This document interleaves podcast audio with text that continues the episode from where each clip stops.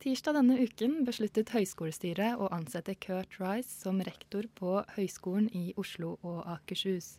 I alt var det 14 søkere til jobben, men det var den 52 år gamle professoren i lingvistikk og tidligere prorektor ved Universitetet i Tromsø som til slutt ble valgt. Vi har han med oss i studio på Radio Nova nå, og Kurt Rice, velkommen til deg. Tusen hjertelig takk for det. Og gratulerer så mye med ny jobb. Takk, det er jo bare kjempespennende, det må jeg si. Ja. Eh, hva tenker du om at det var du som eh, til slutt ble valgt som ny rektor på høyskolen? Det er både utrolig spennende og man blir nesten litt sånn ja, ydmyk overfor den store oppgaven man har fått. Det er jo et enormt ansvar. Mm. På hvilken måte gir det et ansvar? Altså, Rektoren er øverste leder både av alt som skjer på den vitenskapelige sida, men ikke minst av administrasjonen ved høyskolen. Og det er 1800 ansatte og bortimot 18 000 studenter. Så det er mange mennesker som blir påvirka av de beslutningene man tar. Um, og hvorfor tror du at uh, det var akkurat du som uh, til slutt ble rektor? Nei, altså vi hørte litt fra lederen for studentparlamentet, og det som alle har sagt til meg, det var at det var tre veldig sterke kandidater. Hva som gjorde forskjellen, det, det kan jeg bare spekulere i, men de syns kanskje det var interessant å rekruttere utenfra. Mm. Um, og hva kan du eh, tilføre HiOA, tror du? Jeg håper at jeg kan tilføre mye. Jeg er veldig opptatt av å bygge gode miljøer der folk får realisere seg, både studenter og ansatte. Det syns jeg er spennende.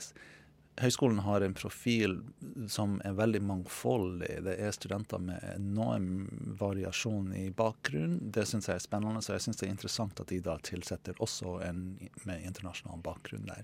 Jeg håper å kunne utvikle det som en del av høgskolens profil. Mm. Eh, og hvordan skal du gjøre det? alt Jo, altså vi, vi, skal, vi, skal, gå inn i en prosess etter jeg kommer i gang 1.8 og, og finne ut nærmere hva det betyr. Men jeg syns at vi må ha eh, utvekslingsstudenter som kommer inn, som går ut. Vi må gjøre oss interessant for utenlandske professorer som vurderer å komme til Norge. Vi må legge opp til at våre professorer kan reise ut også. Mm. Eh, og hva tror du blir den største utfordringen ved å være rektor? Den største utfordringen er å, eh, som, som, Martin Luther King jr. sa i denne filmen 'Selma', 'keep your eyes on the prize'. Altså, det er veldig masse som skjer som kan uh, gi avsporinger, og man må bare se fremover, ha et mål. I vårt tilfelle gjelder det å bli et universitet, og, og jobbe mot det målet hele tida. Mm. Uh, og hvordan tror du det blir å jobbe i Oslo kontra det å jobbe på Universitetet i Tromsø? Jo, det blir noe forskjellig, det, det blir det vel. Men på, på, ja, på, mange forskjellige måter. Altså, det er klart at det er et urbant miljø her. Det er det for så vidt også i Tromsø, men Tromsø med det urbane miljøet sitter i, midt i et storslagent natur, og det ser jeg ikke umiddelbart rundt meg når jeg sitter her. Eh, men det er også sånn at eh, Tromsø har et sterk profil mot det arktiske, mens Høgskolen i Oslo og Akershus har en sterk profil mot en profesjonsutdanning. Så det er to veldig forskjellige oppgaver innholdsmessig å, å lede de organisasjonene. Ja. Um, har du noen spesielle mål du vil nå med HiOA? Ja, HiOA skal eh, eh, forberede studenter slik at de har både fått en god utdanning og at de kan få seg gode jobber. Det er veldig viktig.